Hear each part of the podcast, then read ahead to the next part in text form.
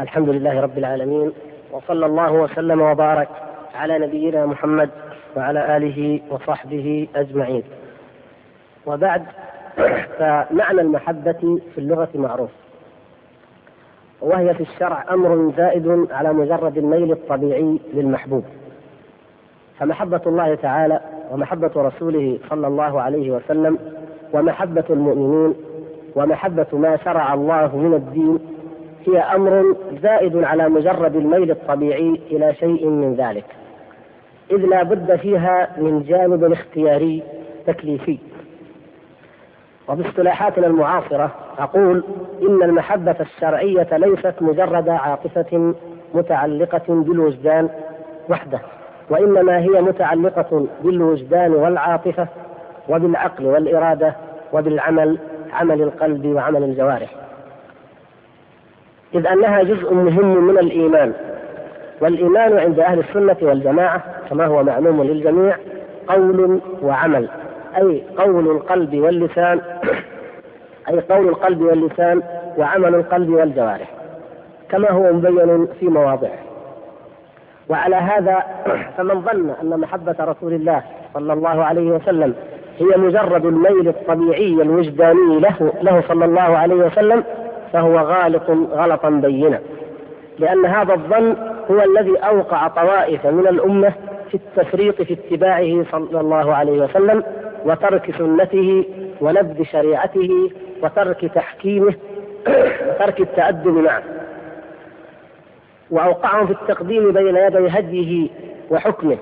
هذا مع تعلقهم العاطفي بذاته وتغنيهم بشمائله وإعجابهم بكماله. وربما مع بكائهم لتذكره ولهجهم بالصلاة والسلام عليه صلى الله عليه وسلم.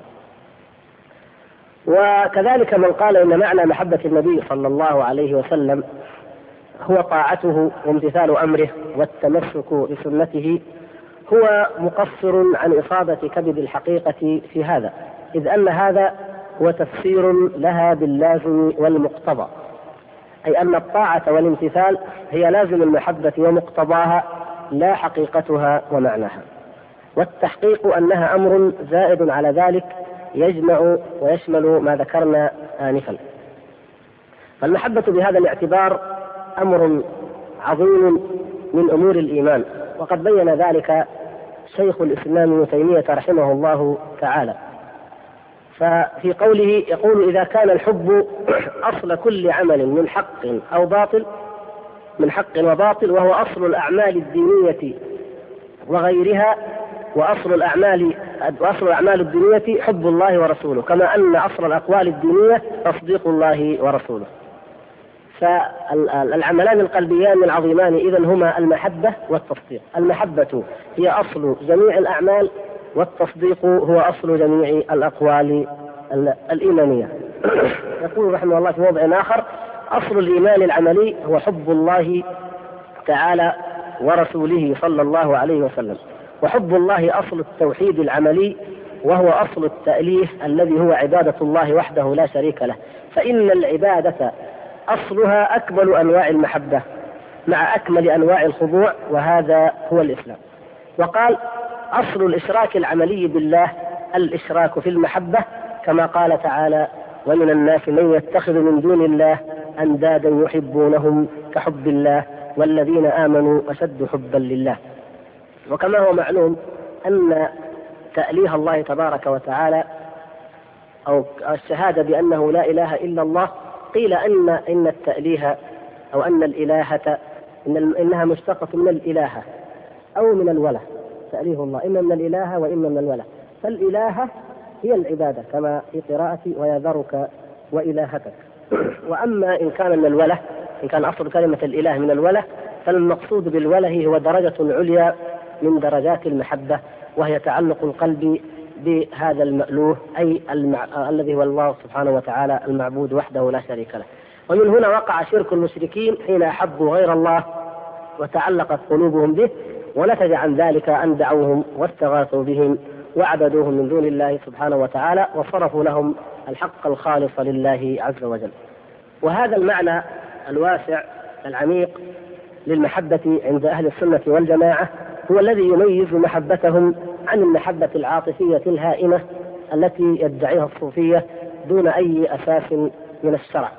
فهذه المحبة التي يدعونها هي شحنة عاطفية يمكن أن تفرغ بقصيدة من الشعر بحفلة بذكر بحضرة بأي نوع من أنواع المفرغات العاطفية وينتهي مفعولها بخلافها عند أهل السنة والجماعة حيث تشمل عمل القلب وعمل الجوارح الذي يرتبط بالطبع بعمل القلب فيكون المحب في هذه الحالة آه، مطيعا وذاكرا ومتعلق القلب بالمحبوب.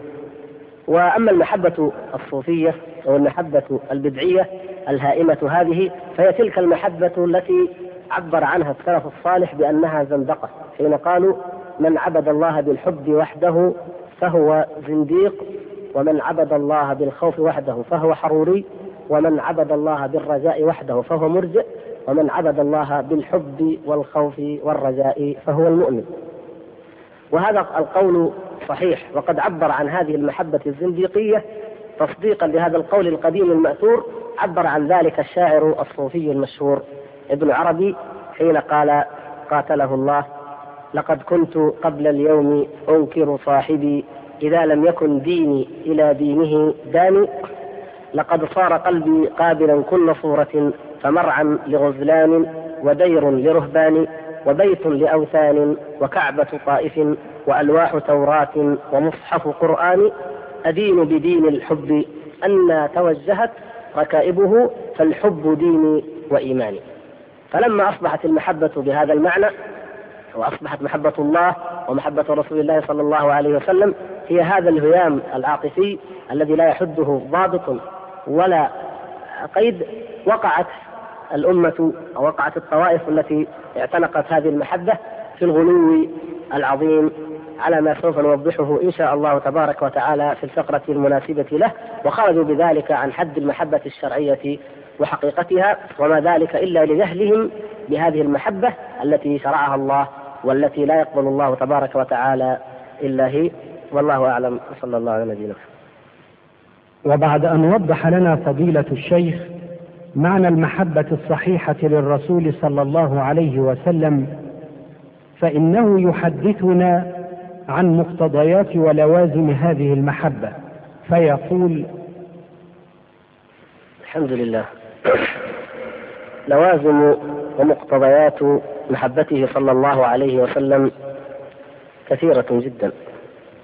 نرجو الله تعالى أن يوفقنا لنضم أشتات الحديث فيها. فأول ذلك وأعظمه هو تحقيق الشهادة له صلى الله عليه وسلم بأنه رسول الله. هذه الشهادة التي هي ركن التوحيد.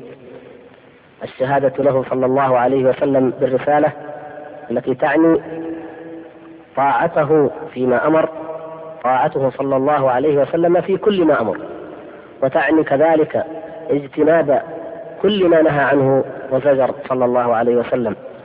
وتعني تصديقه في كل ما أخبر به. وتعني ألا يعبد الله إلا بما شرع صلى الله عليه وسلم. ولهذا قال الله تبارك وتعالى قل إن كنتم تحبون الله فاتبعوني يحببكم الله ويغفر لكم ذنوبكم والله غفور رحيم. قل أطيعوا الله والرسول فإن تولوا فإن الله لا يحب الكافرين. فلا بد من اتباعه صلى الله عليه وسلم ولا بد من طاعته وهذا الاتباع والطاعة هو الذي هما أو بهما يرث العبد محبة الله. فتورث محبة الله تبارك وتعالى بذلك. وهذه هي الغاية العظمى التي يسعى إليها كل المؤمنين. كما قال بعض السلف ليست العبرة بأن تحب ولكن العبرة بأن تحب. فمن أحبه الله سبحانه وتعالى فقد وفقه الله فقد وفقه لكل خير. وتحقيق محبة الله أو تحقق محبة الله سبحانه وتعالى للعبد إذا لا يكون إلا بأن يحقق العبد اتباع الله اتباع رسول الله صلى الله عليه وسلم وبالطبع اتباع الله واتباع دين الله وشرعه. ومن ذلك أيضا الاقتداء به صلى الله عليه وسلم والتأسي به كما قال عز وجل لقد كان لكم في رسول الله أسوة حسنة لمن كان يرجو الله واليوم الآخر وذكر الله كثيرا. فلا بد من الاقتداء به والتأسي به في هديه وخلقه ومعاملته وكل أحواله في البيت والمسجد وفي الطريق في السلم وفي الحرب وفي كل الأحوال وهذا الاقتداء هو حقيقة أو هو علامة ولازم تلك المحبة التي يجب أن تكون كما أشرنا. وقد ورد حديث عن عبد الرحمن بن أبي قرد رضي الله تعالى عنه حديث حسنه الشيخ الألباني بل ذكر أنه في سلسلة الأحاديث الصحيحة في الجزء الذي لم يخرج قال إن الحديث أن رسول الله صلى الله عليه وسلم توضأ يوما فجعل الصحابة يتمسحون بوضوئه وذلك تبركا منهم بوضوئه صلى الله عليه وسلم. فقال لهم رسول الله صلى الله عليه وسلم ما يحملكم على هذا؟ أي لم تفعلون ذلك؟ قالوا حب الله ورسوله حب الله ورسوله. فقال النبي صلى الله عليه وسلم من سره أن يحب الله ورسوله. أو يحبه الله ورسوله فليصدق حديثه إذا حدث وليؤدي أمانته إذا اؤتمن وليحسن جوار من جاوره. ولو تأملنا خلق النبي صلى الله عليه وسلم لوجدنا أنه أصدق الناس لهجة وأنه أعظم الناس أمانة وأنه أعظم وأنه صلى الله عليه وسلم أحسن الناس جوارا. فهذا نوع وجزء من شمائله العظمى صلى الله عليه وسلم يجب الاقتداء به فيها وهذا هو تحقيق محبته صلى الله عليه وسلم ولازمها ومقتضاها. ومن أعظم لوازم محبته صلى الله عليه وسلم تحكيمه في كل موضع نزاع فلا يقدم قول أحد ولا رأيه ولا اجتهاده ولا نظره ولا حكمه على قول النبي صلى الله عليه وسلم وحكمه. يقول الله تبارك وتعالى في هذا فلا وربك لا يؤمنون حتى يحكموك فيما شجر بينهم ثم لا يجدوا في أنفسهم حرجا مما قضيت ويسلموا تسليما. وهذه الآية كما ذكر ابن القيم رحمه الله في شرح المنازل هذه الآية شملت مراتب الدين الثلاثة ففيها المقامات الثلاث الثلاثة. مقام الإسلام ومقام الإيمان ومقام الإحسان. فالتحكيم في مقام الإسلام. فلا وربك لا يؤمنون حتى يحكموك. فمن لم يحكم الرسول صلى الله عليه وسلم فإنه لا يكون مسلما. والإيمان في مقام نفي الحرج. حتى يحكموك فيما شجر بينهم ثم لا يجدوا في أنفسهم حرجا مما قضيت. فمن انتفى عنه الحرج فهو مؤمن. أي حكم رسول الله صلى الله عليه وسلم وانتفى عنه الحرج بما حكم به النبي صلى الله عليه وسلم. فهذا هو المؤمن. وأعلى من ذلك وأجل تحقيق مرتبة الإحسان وهي التسليم المطلق ويسلم تسليما. فيسلم المؤمن تسليما مطلقا لما حكم به رسول الله صلى الله عليه وسلم من أمر ولما أخبر به أيضا من خبر فلا يعرضه لا على عقله ولا على رأيه ولا على مذهبه ولا على قول شيخه ولا على أي مخلوق أو أي فكر بشري. وإن مما يجب أن ننبه إليه في هذا المقام هو ذلك المنكر العظيم الذي وقعت فيه الأمة الإسلامية أو طوائف كبيرة منها مع دعوى محبة النبي صلى الله عليه وسلم ومع إظهار بعض الشكليات التي يظنون أنهم بها قد أدوا حقه صلى الله عليه وسلم وأظهروا محبته وزعموها وهو وذلك هو تحكيم القوانين الوضعية في شؤون حياتهم ومعارضة ذلك ومعارضة سنة النبي صلى الله عليه وسلم وهديه وحكمه وشريعته بتلك الأحكام. فهذه جرأة على الله وجرأة على مقام النبوة بل هي إهدار وحق من مقام الرسالة لأن معنى الشهادة بأن محمدا رسول الله هو أن يشهد العبد أن الله سبحانه وتعالى قد أرسل هذا الرسول إلينا لنطيعه ونتبع أوامره ونلتزم بكل ما يأمرنا به لأنه ما هو إلا مبلغ رسول مبلغ من عند الله سبحانه وتعالى.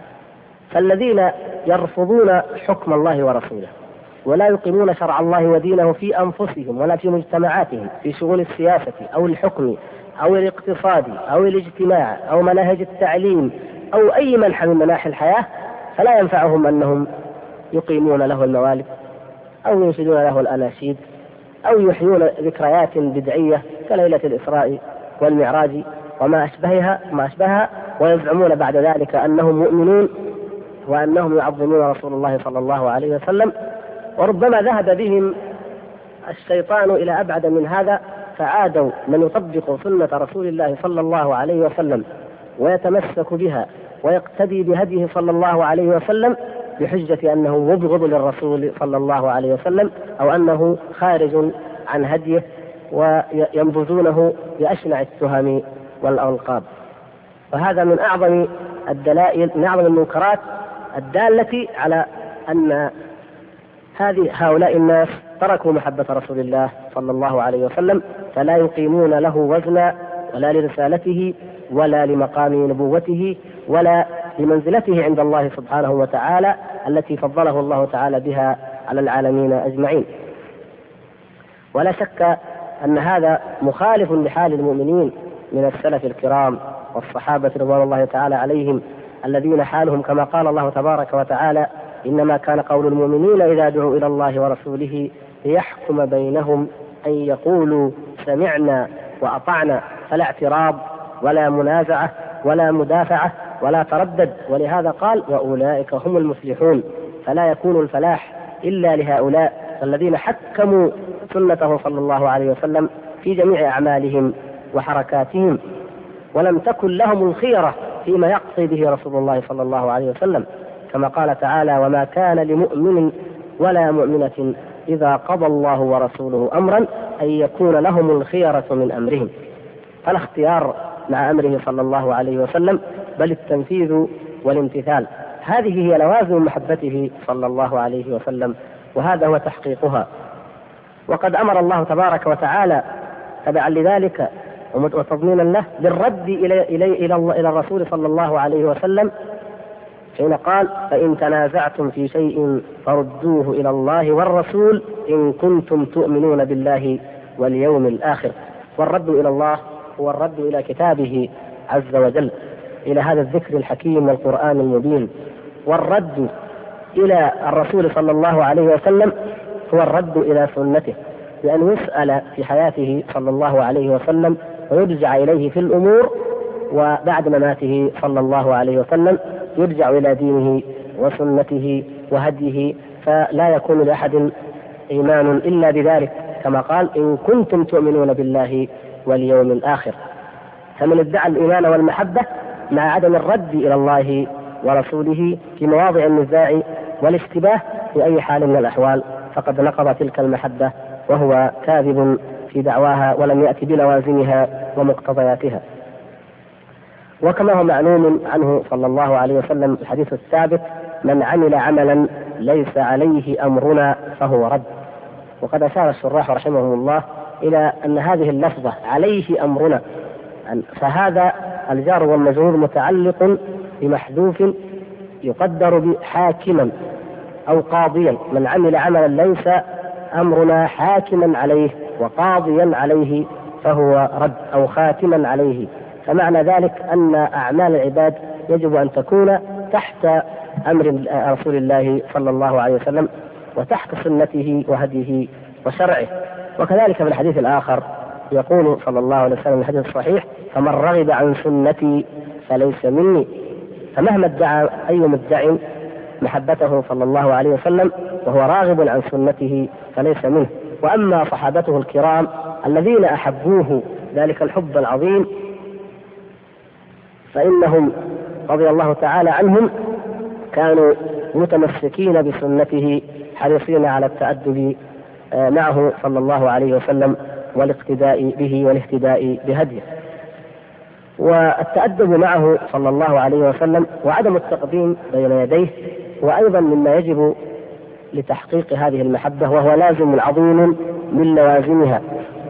والتقديم بين يديه صلى الله عليه وسلم وغض الصوت عنده يكون في حياته كما هو معلوم بالنسبة لشخصه ولذاته. وبعد مماته يكون بالتأدب مع سنته وغض الصوت فلا يرتفع صوت مخلوق صوت رأي ولا فكرة ولا مذهب ولا قياس مع سنة فوق سنة رسول الله. صلى الله عليه وسلم. وقد كان الصحابة الكرام يدركون هذا المعنى غاية الإدراك كما ورد في صحيح مسلم عن أبي قتادة رضي الله تعالى عنه قال كنا عند عمران بن حصين في رهط منا وفينا بشير بن كعب. فحدثنا عمران يومئذ قال قال رسول الله صلى الله عليه وسلم الحياء خير كله. قال أو قال الحياء كله خير الحديث المشهور المعروف الحياء من شعب الإيمان والنبي صلى الله عليه وسلم أطلق فقال الحياء خير كله أو الحياء كله خير فهذا بلفظ عام لم يخصص بشيء. فقال بشير بن كعب قال إن لنجد في بعض الكتب أو الحكمة أن منه سكينة ووقارا لله ومنه بعث يقول نجد في بعض الكتب أو في بعض موروثات الحكم الأول عن الأولين أن من الحياء سكينة ووقارا ولكن أيضا أن منه ضعفا. قال أبو قتادة فغضب عمران عمران حتى احمرتا عيناه. كذا الرواية احمرتا حتى احمرتا عيناه. وقال ألا أراني أحدثك عن رسول الله صلى الله عليه وسلم وتعارض فيه؟ ثم يقول أبو قتادة فأعاد عمران الحديث. فأعاد بشير فغضب عمران بالطبع غضبا أشد من الغضب الأول فلما رأى أولئك الرهط ثورة عمران رضي الله تعالى عنه أخذوا يهدئونه. قال أبو قتادة فما زلنا نقول فيه إنه منا يا أبا نجيد إنه لا بأس به.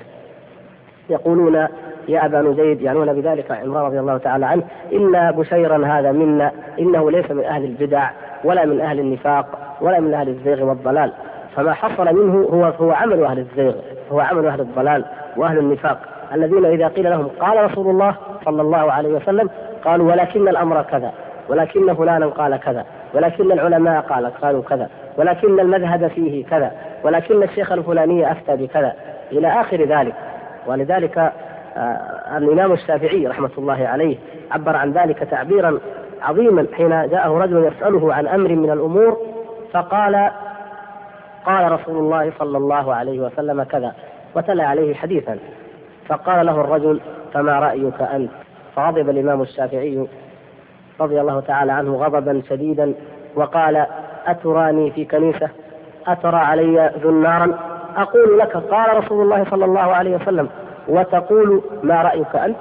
فكانوا يعلمون ويدركون أنه لا رأي لأحد مع كلام رسول الله صلى الله عليه وسلم ومع هديه ومع سنته ويجب أو ينبغي أن ننبه إلى أمر عظيم من لوازم محبته صلى الله عليه وسلم وهو الصلاة والسلام عليه صلى الله عليه وسلم.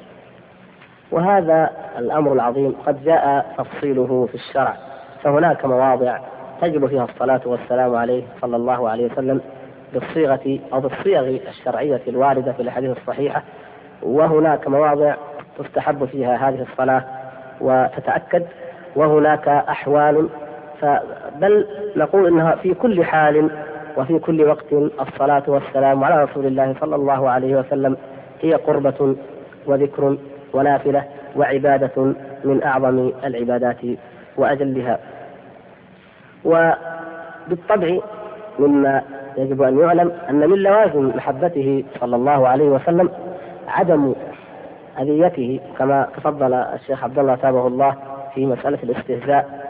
بل إن الله سبحانه وتعالى بين أن أذيته صلى الله عليه وسلم هي شأن المنافقين. الذين ومنهم الذين يؤذون النبي ويقولون هو أذن. فأي قول فيه نوع من التحقير أو التقليل للنبي صلى الله عليه وسلم أو الحق من قيمته والأذية له أو لسنته فإنه من عمل المنافقين. وهذا النفاق هو نفاق أكبر نسأل الله العفو والعافية. وما من قلب ينعقد على شيء من بغض النبي صلى الله عليه وسلم أو كراهيته ويكون صاحبه مؤمنا قط. نعم الناس يتفاوتون في محبة النبي صلى الله عليه وسلم تفاوتا عظيما ولكن المؤمن المسلم لا لا يخلو قلبه أبدا من شيء من محبته صلى الله عليه وسلم. وإن قل أما أن يشتمل قلب أحد من البشر على شيء من بغضه صلى الله عليه وسلم فهذا هو الكفر عياذا بالله. ولا يجتمع الإيمان مع بغضه صلى الله عليه وسلم ابدا. ومن ذلك آه، عدم إيذائه صلى الله عليه وسلم في زوجاته وعدم إيذائه صلى الله عليه وسلم في صحابته الكرام. فإن من آذاه في زوجاته وفي صحابته فقد آذاه صلى الله عليه وسلم وكأنما آذاه في نفسه وشخصه صلى الله عليه وسلم. فالواحد من الناس الواحد من البشر من من آذاه في زوجته أو في صديقه وحبيبه وحميمه فلا شك أنه آذاه. فكيف بمن آذى رسول الله صلى الله عليه وسلم في شيء من ذلك؟ وهذا مما هو معلوم لجميع المسلمين ولله الحمد وإنما أحببنا أن ننبه إليه لأهميته ولعله يأتي بعد ذلك ويزيده ايضاحا بعون الله عز وجل الحمد لله رب العالمين. وبعد أن بين لنا فضيلة الشيخ لوازم ومقتضيات هذه المحبة فإنه يواصل حديثه موضحا ومحذرا من مفاهيم منحرفة حول محبة الرسول صلى الله عليه وسلم من بعض أهل الأهواء والتفرق قائلا الحمد لله وصلى الله وسلم وبارك على رسوله صلى الله عليه وسلم. الحقيقة أن بسط هذا الموضوع يحتاج إلى مقام أكبر. وما ذلك إلا لكثرة ما وقع من الخط والضلال في هذا الباب. نسأل الله الهداية والعصمة والعافية. والناس في محبة رسول الله صلى الله عليه وسلم طرفان وواسطة. أما الواسطة فهم الطائفة المنصورة والفرقة الناجية أهل السنة والجماعة. وقد تقدم الحديث عنهم فهم الذين ساروا على مقتضى كتاب الله وسنة وسنة رسوله صلى الله عليه وسلم في أمر هذه المحبة كما ساروا عليه في سائر أمور الدين الاعتقادات والعمليات. ومن ذلك أنهم لم يجاوزوا بالنبي صلى الله عليه وسلم قدره ولم ينقصوه أيضا حقه. بل هم كما دلت نصوص وآي الكتاب والسنة ونصوص السنة. فمثلا الحديث المتفق عليه حديث عبادة ابن الصامت رضي الله تعالى عنه الذي يقول فيه النبي صلى الله عليه وسلم من شهد أن لا إله إلا الله وأن محمدا عبده ورسوله وأن عيسى عبد الله ورسوله وكلمته ألقاها إلى مريم وروح منه وأن الجنة حق والنار حق أدخله الله الجنة على ما كان من العمل. هذا الحديث يعمل به أهل السنة والجماعة مع فهمهم لمدلوله وحقيقته فقد نص على الشهادة بأن محمدا عبده ورسوله فعبده تقتضي أن لا يرفع إلى مقام الألوهية فهو مهما علت منزلته وهي منزلة عليا بلا شك وليس أعلى منه في الخلق منزلة مهما بلغ فإنه لا يصل إلى مقام الألوهية أبدا. فهو عبد. وكماله صلى الله عليه وسلم إنما هو بتحقيقه لكمال العبودية لربه عز وجل. فلم يحقق ذلك أحد من البشر مثل ما حققه رسول الله صلى الله عليه وسلم فهو العبد الكامل المصطفى المجتبى الذي استحق أن يوصف بذلك في أعلى درجات التكريم كما قال تعالى سبحان الذي أسرى بعبده ليلا من المسجد الحرام إلى المسجد الأقصى. فهو عبده وهو أيضا رسوله فكما أنه لا يزاد عن قدره صلى الله عليه وسلم فلا يعامل كسائر البشر لأنه رسوله ورسول الله صلى الله عليه وسلم. وهذه ميزة عظمى كما قال الله تعالى قل إنما أنا بشر مثلكم يوحى إلي أنما إلهكم إله واحد. فالله تبارك وتعالى فضله بهذا الوحي وبهذه الرسالة. فكونه رسول الله صلى الله عليه وسلم يقتضي كل ما ذكرنا من اللوازم من الاتباع والطاعة وامتثال الأمر والوقوف عند حدود ما شرع وأن لا يعبد الله تبارك وتعالى إلا بما جاء به صلى الله عليه وسلم وأن لا يقدم على قوله على قوله قول أحد كائنا من كان إلى آخر ما ذكرنا فهذا يقتضيه قوله ورسوله. فأهل السنة والجماعة ولله الحمد يثبتون ذلك فهو عبد الله ورسوله فهم الذين يتمسكون بهديه في العبادة وهم الذين يتبعون ما جاء به من الشرع والدين فلا ينقصونه قدره صلى الله عليه وسلم بل هم أعظم الناس له حبا وتقديرا وإجلالا. كما سمعنا في محبة الصحابة الكرام رضوان الله تعالى عليهم ومن بعدهم من السلف وهم أيضا في نفس الوقت آه لم يخرجوه عن حده فلم يقعوا فيما نهى عنه صلى الله عليه وسلم مما وقع فيه غيرهم. وهما الطرفان اللذان أشرنا إليهما. وهذان الطرفان هما كما قال شيخ الإسلام ابن تيمية رحمه الله تعالى عندما تعرض لهذا الموضوع آه، يقول إن محبة أن باب محبة الله ومحبة رسوله صلى الله عليه وسلم الناس فيها طرفان. فالطرف الأول أشباه اليهود يقول فريق فريقان من الناس. فريق من أهل النظر والكلام والمنتسبين إلى العلم جحدوها وكذبوا بتحقيقها وفريق من أهل التعبد والتصوف والزهد أدخلوا فيها من الاعتقادات والإرادات الفاسدة ما ضاهوا بها المشركين. فالأولون يشبهون المستكبرين وهؤلاء يشبهون المشركين. ولهذا يكون الأول في أشباه اليهود ويكون الثاني في أشباه النصارى. وهذا من جوامع وأدق الألفاظ التي تدل على حقيقة هؤلاء القوم. فأما الطائفة الأولى وهم الذين كما ذكر آه، رحمه الله الذين فيهم شبه اليهود. فهؤلاء وساة القلوب غلاظ الأكباد لم تتخلل محبة النبي صلى الله عليه وسلم قلوبهم ولم تخالط شغافها ولم تنعم وتسر قلوبهم بمحبته صلى الله عليه وسلم. بل تلك الغلظة والجفوة والقسوة ظاهرة بادية عليهم في تعاملهم معه صلى الله عليه وسلم. فلا يكادون يذكرونه إلا قليلا. وإذا ذكروه لا يصلون عليه ولا يسلمون. وأشد من ذلك وأشدهم في ذلك من أعرض عن شرعه وتخلى عن سنته وحارب أتباعه الداعين إلى التمسك بدينه والتحاكم إلى شريعته ووالى أعداءه الذين يكذبونه ويجحدون رسالته كمن يوالي اليهود والنصارى والمشركين ويتبع قوانينهم وآراءهم ومناهجهم وأحوالهم وتقاليدهم.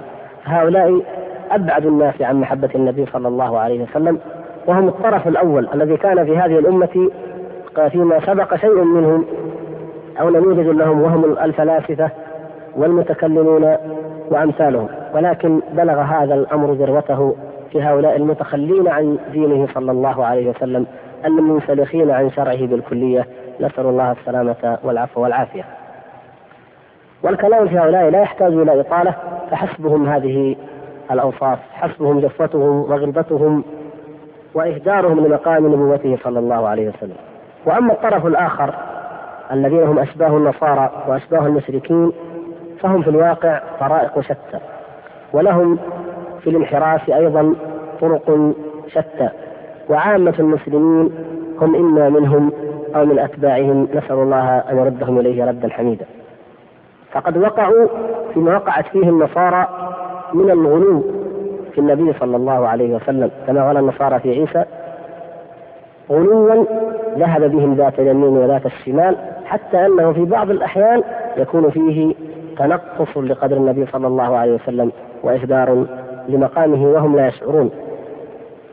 لقد ظلوا في فهم المحبة كما أشرنا اولا فجعلوها مسألة عاطفية وجدانية ولهذا نجد غالبهم يجعلون محبته صلى الله عليه وسلم مجرد ذكرى ترتبط بزمن معين أو حال معين ولا يلقون ولا يصيخون سمعا لأمره ونهيه فلا عمل القلب يتحقق. ولا عمل الجوارح وإنما هذه العاطفة الهائمة فقط. وهذا الغلو في الحقيقة له أسباب كثيرة. ونذكر منها سببين. الأول أن بعض أولئك الذين غلوا في رسول الله صلى الله عليه وسلم من مؤسسي الطرق ومدعي الكرامات وأمثالهم إنما أرادوا بذلك التوصل إلى تعظيم أنفسهم أو مشايخهم وقدواتهم. ولهذا قال من قال من السلف الناس يعبدون الله وهؤلاء يعني الصوفية يعبدون أنفسهم هم يعبدون الخلق لأنفسهم ويطلبون حظ النفس ومتعة النفس بما يعملون حتى محبة النبي صلى الله عليه وسلم يطلبون بها حظ النفس من الشهرة ومن الكرامات ومن الخوارق وما أشبه ذلك. ولهذا وضعوا قاعدة معروفة عندهم يقولون كل ما ثبت للنبي معجزة فهو ثابت للولي كرامة.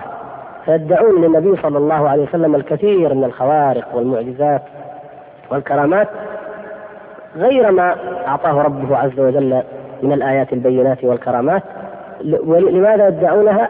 ليضيفوها إلى شيوخهم أيضا فيما بعد وليثبتوها لهم فإن اعترض معترض لماذا تنسبون هذا للشيخ؟ قالوا هذا قد ثبت للرسول صلى الله عليه وسلم فإن فأنت تثبته للرسول صلى الله عليه وسلم وأكثر الجهال يثبت ذلك ولا يعارض خشية أن يقال إنك تتنقص مقام النبي صلى الله عليه وسلم. وهذه التهمة التي دائما يتهمون بها أهل الحق كما سنرى إن شاء الله فيما بعد. فيسلم لهم بأن هذا للنبي صلى الله عليه وسلم. فحينئذ يقولون فهو إذن ثابت للأولياء الوراث يسمونهم الوراث وارثو الحقيقة المحمدية كما يزعمون. هذا سبب. ولا نطيل فيه. السبب الثاني هو التأثر بالرافضة. قاتلهم الله. فإن الرافضة في غلوهم في حق علي رضي الله تعالى عنه مع الصراع التاريخي المزمن بينه وبين أهل السنة انتشر الوباء التصوف والغلو في رسول الله صلى الله عليه وسلم مقابل غلو أولئك في علي رضي الله تعالى عنه. فالمسألة أصبحت ردود فعل من العامة وعواطف جياشة لا تستند لا عند هؤلاء ولا عند هؤلاء. على الدليل العلمي الصحيح والبرهان. ولهذا آل الأمر كثير من هؤلاء إلى أن أسبغوا على النبي صلى الله عليه وسلم من أوصاف الألوهية وخصائصها مثل ما تسبقه الروافض على أمير المؤمنين علي رضي الله تعالى عنه وعلى آل بيته. والصلة بين التصوف والتشيع حقيقة قائمة يشهد بها التاريخ ولا سيما تاريخ الفرق وليس في الإمكان الآن أن نوضح ذلك أن نطيل فيه. والمقصود أن هؤلاء لما وقعوا في ذلك ناقضوا كتاب الله وصريح أوامره صلى الله عليه وسلم. فمثلا قول الله تبارك وتعالى قل إنما أنا بشر مثلكم. يوحى إلي أنما إلهكم إله واحد. وغيره كثير من من الأدلة على أن الرسول صلى الله عليه وسلم بشر. ذهب الغلو بعض الناس وإن أردتم التنفيذ فلنذكر مثلا فرقة البريلوية مثلا. يقولون إننا نحن أهل السنة ومعشر المسلمين. إننا نقرأ الآية بخلاف ما أنزل الله فإن القراءة الصحيحة لها أن نقول قل إن ما أنا بشر مثلكم فهو تأكيد لنفي بشريته. يقولون الآية تؤكد إن تؤكد النفي ما أنا بشر مثلكم أي فهو فوق البشر. وأمثال ذلك مما يحدثون به كتاب الله سبحانه وتعالى. ومثلا قوله صلى الله عليه وسلم الصحيح الثابت لا تطروني كما أطرت النصارى ابن مريم وإنما أنا عبد. فقولوا عبد الله ورسوله كما تقدم أيضا في حديث عبادة هذا القول ضربوا به عرض الحائط. هذا النهي هذه الوصية منه صلى الله عليه وسلم. فغلوا فيه صلى الله عليه وسلم غلوا عظيما فاحشا. وما أكثر ما نسبوا إليه من خصائص الألوهية فجاروا بذلك وخرجوا من الملة. مثلا ينسبون إلى النبي صلى الله عليه وسلم أن بيده مقاليد السماوات والأرض وأن له أن يقطع من أرض الجنة كما يشاء. وقالوا إنه يعلم الغيب وإنه يعلم سر الروح وحقيقة الروح وإنه يعلم متى تقوم الساعة. المهم أنه يعلم الخمس التي ذكرها الله سبحانه وتعالى في كتابه وهو مختص بها عز وجل بعلمها يقولون إن النبي صلى الله عليه وسلم مطلع على ذلك وعالم بما فيه. كيف وقد قال قائلهم فإن من جودك الدنيا وضرتها فإن من جودك الدنيا وضرتها ومن علومك علم اللوح والقلم. فماذا بعد هذا الغلو من غلو؟ نعوذ بالله من الضلال. فهكذا غلوا فيه صلى الله عليه وسلم وهم يزعمون ويظنون أنهم بذلك يحبونه وأنهم يعظمونه. ومن ذلك أيضا ما مما خالفوا فيه هديه صلى الله عليه وسلم مثلا ما ثبت عنه صلى الله عليه وسلم في زيارة القبور. وقد قال صلى الله عليه وسلم كما في الحديث الصحيح لعن الله اليهود والنصارى اتخذوا قبور أنبيائهم مساجد. وقال في الحديث الآخر الصحيح أيضا لا تشد الرحال الا إلى ثلاثة مساجد. المسجد الحرام ومسجدي هذا والمسجد الأقصى. فخالفوا أمره صلى الله عليه وسلم وناقضوه أعظم المناقضة. وشرعوا سد الرحل لزيارة قبره صلى الله عليه وسلم. وفرضوه فرضا. قالوا إنه وإن كان سنة عند الفقهاء أن يزار مسجده ويسلم عليه فإن فإنه عند الصوفية فرض. فإن زيارة قبره وشد الرحل إلى قبره عند الصوفية فرض. وأفرد افتروا يعني أفردوا كتبا وافتروا أحاديث أحاديث كثيرة افتروها على النبي صلى الله عليه وسلم وتقولوا عليه ما لم يقل. وما أكثر هذه الأحاديث وقد ذكرها العلماء وجمع جمعها المؤلفون منهم في في الموضوعات في الأحاديث الموضوعة. ولم يكتفوا بهذا بل شرعوا لمن زاره ولغير زائره. صلى الله عليه وسلم غير زائر قبره أن يستغيث به وأن يدعوه وأن يستجير به ورتبوا لذلك أمورا. هذا من أعظم الشرك لأن كفر الجاهليين وشركهم إنما كان لأنهم يدعون غير الله سبحانه وتعالى ويستغيثون به ويستجيرون به. فأوقعوا هذه الأمة المحمدية في نقيض ما دعا إليه رسول التوحيد صلى الله عليه وسلم وهو أنه يدعى ويستغاث ويستجار به صلى الله عليه وسلم وجعلوا لذلك أورادا وصلوات وأحزاب كثيرة جدا مثل آه، جامع السعادات في في جامع الصلوات الذي جمعه النبهاني. فلا تكاد تجد فيه أي صلاة من تلك الصلوات إلا وفيها الشرك الصريح وفيها الحلول وفيها الاتحاد وفيها وحدة الوجود. كقوله إنه صلى الله عليه وسلم إنسان عين الوجود والسبب في كل موجود. وأنه مظهر وتجلي لصفات الله سبحانه وتعالى إلى غير ذلك إن وضعوه. وكما وضع البكري وهو من أقطابهم المتأخرين قبحه الله وضع في ذلك أشعارا كثيرة تردد وتنشد بموالد وغيرها كقصيدته اللامية التي ضاهت البردة في الشركيات التي يقول فيها ما أرسل الرحمن أو يرسل من رحمة تصعد أو تنزل في ملكوت الله أو ملكه من كل ما يختص أو يشمل إلا وطه المصطفى عبده نبيه مختاره المرسل واسطة فيها وأصل لها يعني هو أصل كل الرحمات وكل النعم يعلم هذا كل من يعقل.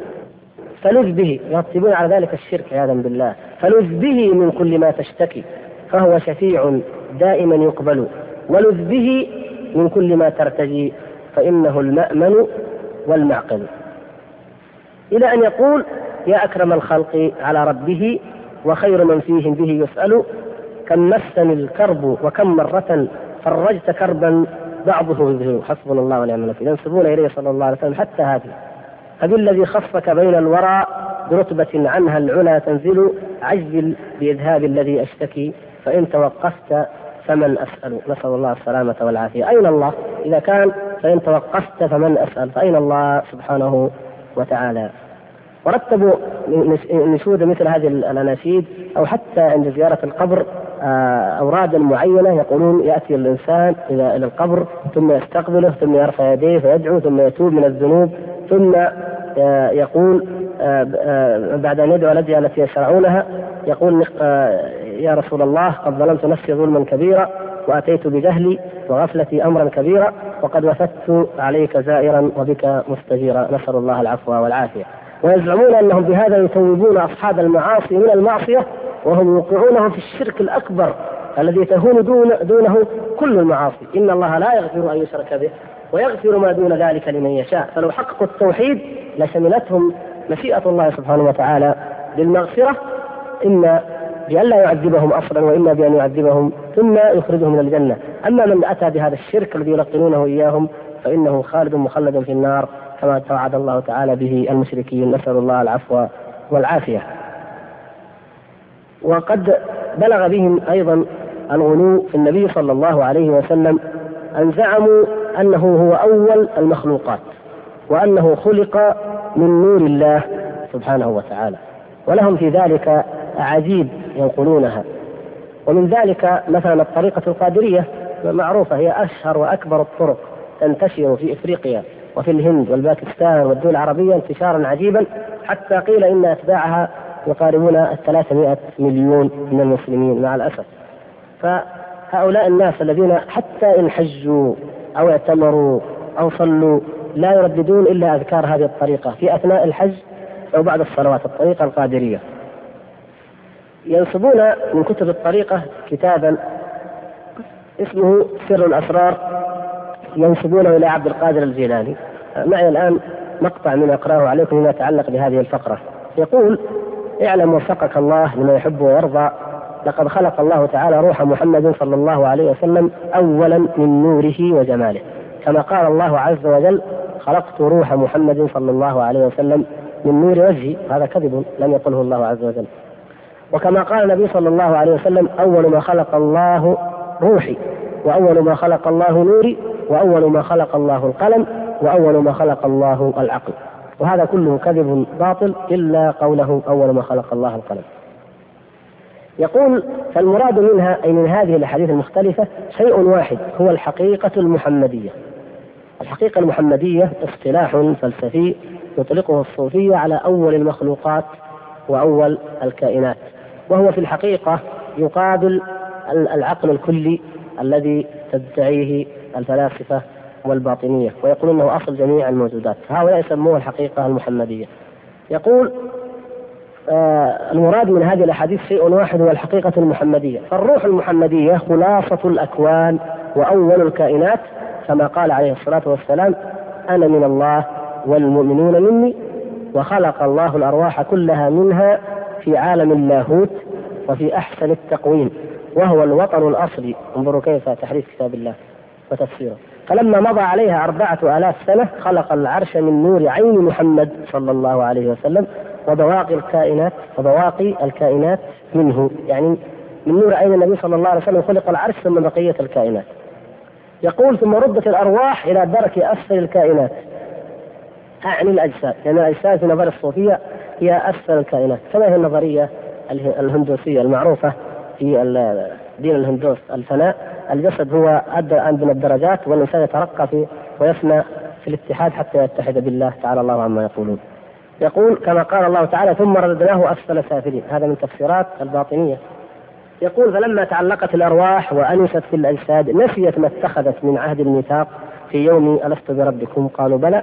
فلم ترجع إلى الوطن الأصلي الآن يعلل لماذا بعث النبي صلى الله عليه وسلم. يقول بعث لأن الأرواح تعلقت بالأجساد ونسيت أصلها. يقول فترحم الرحمن المستعان عليهم بإنزال الكتب السماوية تذكرة لهم بذلك الوطن الأصلي كما قال تعالى وذكرهم بأيام الله. أي أيام وصاله فيما سبق مع الأرواح. وهذا ليس بصحيح أبدا. أيضا هو من تفسيرات ومثل التفسيرات الباطنية. يقول حتى أصلت الرسالة إلى الروح الأعظم المحمدي خاتم الرسالة والهادي من الضلالة فأرسله إلى هؤلاء الناس الغافلين ليفتح بصيرتهم من نوم الغفلة فيدعوهم إلى الله تعالى ووصله ولقاء جماله الأزلي. نسأل الله العفو والعافية. نحن نقول أن هذا الكلام منسوب للجيلاني لأنه لا يعقل أن يقوله ولم يثبت لدينا قوله ولكن أصحابه ينسبون ذلك إليه. ولو قاله لما كانت له تلك المنزلة التي ذكرها العلماء عنه مع ما ذكروا عنه من بعض جوانب من البدع. لكن نحن الآن لا نحاسبه كفرد وإنما نحاسب هذه الطائفة التي غلت في النبي صلى الله عليه وسلم إلى هذا الحد وجاءت بأمثال هذه الخرافات التي أصلها آه، ما افتراه آه، الزرادشتية والمجوس في أنبيائهم كما نقل ذلك الدكتور طلعت غنام وأمثاله من بحثوا في أصول التصوف. ومن ذلك أيضا زعمهم يعني من غلوهم في النبي صلى الله عليه وسلم أنهم زعموا أن الكون إنما خلق لأجله. صلى الله عليه وسلم. وأن ليلة مولده هي أفضل من ليلة القدر. ويزعمون أن روحه تحضر الموالد وتحضر المحافل التي يقولونها. فيعني يظنون أنه يزعمون أنه صلى الله عليه وسلم حي باستمرار حياة كاملة وأنه يحضر الموالد وأنه يخاطب الأولياء وأنه يكلمهم. وكم افتروا على الله سبحانه وتعالى وعلى رسوله صلى الله عليه وسلم من أمثال هذه الأمور فشرعوا من الدين ما لم يأذن به الله. مثل ما شرع أحمد التيجاني ومثل المهدي الذي في السودان وأمثاله ممن يفترون على الله الكذب. والشاذلي الذي يقول إن كل شيخ كل طريقة لها شيخ إلى شيخ بالسند. وأما أنا فشيخي رسول الله صلى الله عليه وسلم آخذ عنه في اليقظة مباشرة. أمثال هذا من الغلو الذي يزعمونه. ولا شك في بطلان ذلك والحمد لله لكل ذي بصيرة. ولكن العجب هو انتشار هذه الطرق وفتكها آه، بهذه الأمة في غفلة من دعاة الحق وربما بإقرار أو بتعاون من دعاة الباطل. من أصحاب القسم الأول أشباه اليهود الذين يحاربون سنة النبي صلى الله عليه وسلم. فإنهم يغضون النظر عن أمثال هؤلاء ويؤيدونهم ويشجعونهم ويعطونهم أعظم المناصب ويحضرون احتفالاتهم أيضا لأنهم يعلمون أنها خارجة عن دين الله فهي لا تضرهم وقد خرجوا هم عن دين الله ولكن من باب آخر. نسأل الله العفو والعافية. والغلو هذا لا يقف عند حد والافتراء والكذب حتى أن بعضهم افتعلوا للنبي صلى الله عليه وسلم أشياء لا تزيد في قدره صلى الله عليه وسلم بل ربما يكون في بعضها ما هو منقص له صلى الله عليه وسلم. مثلا افتعلوا أن نعل النبي صلى الله عليه وسلم علت على رؤوس جميع الكائنات وأنها أفضل من كل المخلوقات أشياء يعني جعلوا الأمر متعلق بالنعل، نعل النبي صلى الله عليه وسلم. يعني حتى قال قائلهم على رأس هذا الكون نعل محمد سمت فجميع الخلق تحت ظلاله لدى الطول موسى نود يخلع وأحمد إلى العرش لم يؤمر بخلع نعاله ويقولون النبي صلى الله عليه وسلم ليلة الإسراء اسري به ربه ولم يخلع نعاله وأنه قرب من بساط الأنس وخاطبه ربه وكلمه واحيانا يقول رآه وهو لم يخلع نعاله فسمت فوق جميع الكائنات مع أن موسى أمر بخلع النعال في الطور وهو في الأرض. وامثال هذا الكلام الذي لا دليل عليه وفي نفس الوقت لا يزيد إثبات مثله من قيمة النبي صلى الله عليه وسلم. كما مثلا يعني عندما يقولون إن النبي صلى الله عليه وسلم كان القمل لا يؤذيه. وكان الذباب لا يقع عليه. فهذا فوق كونه من الكذب المختلق الذي لا دليل عليه. هذا مما فيه غض ونقص من حق النبي صلى الله عليه وسلم أنه كان فيه قمل لكن لا يؤذيه أو أن القمل كان في عنده في بيته عند أصحابه لكنه لا يعني ما, ما الذي يدعو إلى أمثال هذه الأقوال واختلاق هذا الإفك؟ والله سبحانه وتعالى قد فضله بالمقام المحمود في الآخرة. قد فضله بالشرف العظيم في هذه الحياة الدنيا بالرسالة العظمى الخالدة التي أعلاها وأظهرها الله سبحانه وتعالى على جميع العالمين. ليس هنالك من داع على الإطلاق بأمثال هذه الأمور. وحقيقة أنه كما أشرت أن الأمر في هذا آه، يطول والحديث يتشعب. لكن أحب أن أختم هذا بأمر آه، مناسب وهو ما ذكره ابن القيم رحمه الله في منيته هذه القصيدة آه، المشهورة. من أن أهل البدع يتهمون أهل السنة والجماعة بأنهم يكرهون النبي صلى الله عليه وسلم أو يتنقصون من قدره. وهذا هو الواقع في كل زمان ومكان. هذا الافتراء وهذا الإفك قديم. وابن القيم رحمه الله يرد عليهم بأبيات عظيمة يبين فيها حقيقة التوحيد وحقيقة الخلاف. بين الطائفتين فنعذر إذا طلت عليكم قليلا وقرأت شيئا من هذه الأبيات. آه، يقول رحمه الله قالوا تنقصتم رسول الله وعجبا لهذا البغي والبهتان.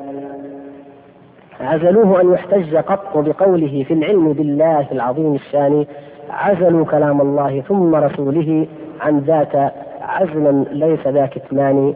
واستمر في نقاش في بيان كلامهم في الصفات وفي غيرها إلى أن يقول الرب رب والرسول فعبده حقا وليس لنا إله ثاني. فلذاك لم نعبده مثل عبادة الرحمن فعل المشرك النصراني يعدد بهم. كلا ولم نغلو الغلو كما نهى عنه الرسول مخافة الكفران. لله حق لا يكون لغيره. رحمه الله انظروا كيف يقول لله حق لا يكون لغيره ولعبده حق هما حقان. لا تجعلوا الحقين حقا واحدا من غير تمييز ولا فرقان. هم خلطوا بين الحقين فجعلوا حق الله للنبي صلى الله عليه وسلم وهكذا. يقول فالحج للرحمن دون رسوله وكذا الصلاة وذبح ذا القربان وكذا السجود ونذرنا ويميننا وكذا متاب العبد من عصيان وكذا التوكل والإنابة والتقى وكذا الرجاء وخشية الرحمن وكذا العبادة واستعانتنا به إياك نعبد ذان توحيدان. يعني هذان توحيدان وعليهما قام الوجود بأسره دنيا وأخرى حبذا الركبان. وكذلك التسبيح والتكبير والتهليل حق إلهنا الديان. ثم يقول لكنما التعزير والتوقير حق للرسول بمقتضى القرآن والحب والإيمان والإيمان والتصديق لا يختص بل حقان مشتركان أو مشتركان مشتركان. الحب والإيمان والتصديق حقان مشتركان بين النبي صلى الله عليه وسلم وبين الله عز وجل بين الله وبين رسوله. هذه تفاصيل الحقوق ثلاثة لا تجهلوها يا أولي العدوان. إلى أن يقول آه ونظير هذا يرد عليهم ونظير هذا قول أعداء المسيح من النصارى عابد الصلبان إنا تنقصنا المسيح بقولنا عبد وذلك غاية النقصان. لو قلتم ولد إله خالق وصيتموه حقه بوزان. وكذاك أشباه النصارى. انظروا يتفق كلامه مع كلام شيخه رحمه الله. هؤلاء أشباه النصارى وأولئك أشباه اليهود. يقول وكذاك أشباه النصارى مذغلوا في دينهم بالجهل والطغيان مذغلوا في دينهم بالجهل والطغيان صاروا معادين الرسول وديننا في صورة الأحباب والإخوان. يدعون المحبة وهم الأعداء. فانظر إلى تبديلهم توحيده بالشرك والإيمان بالكفران. يعني وتبديلهم الإيمان بالكفران. وانظر إلى تجريده التوحيد من أسباب كل الشرك بالرحمن واجمع مقالتهم وما قد قاله واستدعي بالنقاد والوزان عقل وفطرتك السليمة ثم زن هذا وهذا ثم زن هذا وذا. لا تطغى في الميزان فهناك تعلم أي حزبين هو المتنقص المنقوص ذو العدوان. يعني تعرف من الذي يتنقص النبي صلى الله عليه وسلم؟ أهم أهل السنة أم أولئك؟ إلى أن يقول رحمه الله والله أمركم عجيب معجب ضدان فيكم ليس يتفقان. يقول فيكم أمرين أنتم الذين تغلون في النبي صلى الله عليه وسلم جمعتم أمرين. تقديم آراء الرجال عليه مع هذا الغلو فكيف يجتمعان؟ كفرتم من جرد التوحيد جهلا منكم بحقائق الإيمان لكن تجردتم بنصر الشرك والبدع المضلة في رضا الشيطان. يقول أنتم تقدمون آراء الرجال والشيوخ والمذاهب على على النبي صلى الله عليه وسلم. هذا معروف من حالهم. ومع ذلك يغلون فيه ويؤلهون بل يؤلهون حتى بعض آثارهم. كما سمعنا في كلام عن الحذاء وأمثال ذلك مثلا. فيقول كيف تجمعون بين هذا وهذا؟ يقول والله لم نقصد سوى التجريد للتوحيد. ذاك وصية الرحمن ورضا رسول الله صلى الله عليه وسلم. ورضا رسول الله منا. لا غلو الشرك أصل عبادة الأوثان. ولا غلو الشرك أصل عبادة الأوثان. والله لو يرضى الرسول دعاءنا إياه بادرنا إلى الإذعان. لو كان يرضى الرسول صلى الله عليه وسلم أن ندعوه والله نبادر يقول. والله لو يرضى الرسول سجودنا كنا نخر له على الأذقان. والله ما يرضيه منا. غير إخلاص وتحكيم لذا القرآن. ولقد نهى الخلق عن إطرائه فعل النصارى عابد الصلبان ولقد نهانا أن نصير قبره عيدا. حذار الشرك بالرحمن ودعا بألا يجعل القبر الذي قد ضمه وثنا من الأوثان. إلى آخر ما بين فيه رضي الله تعالى عنه ورحمه. فنقف إلى هنا ونسأل الله سبحانه وتعالى أن يهدينا ويهدي ضال المسلمين إلى معرفة حقيقة محبته صلى الله عليه وسلم والتمسك بسنته واتباع هديه إنه سميع مجيب.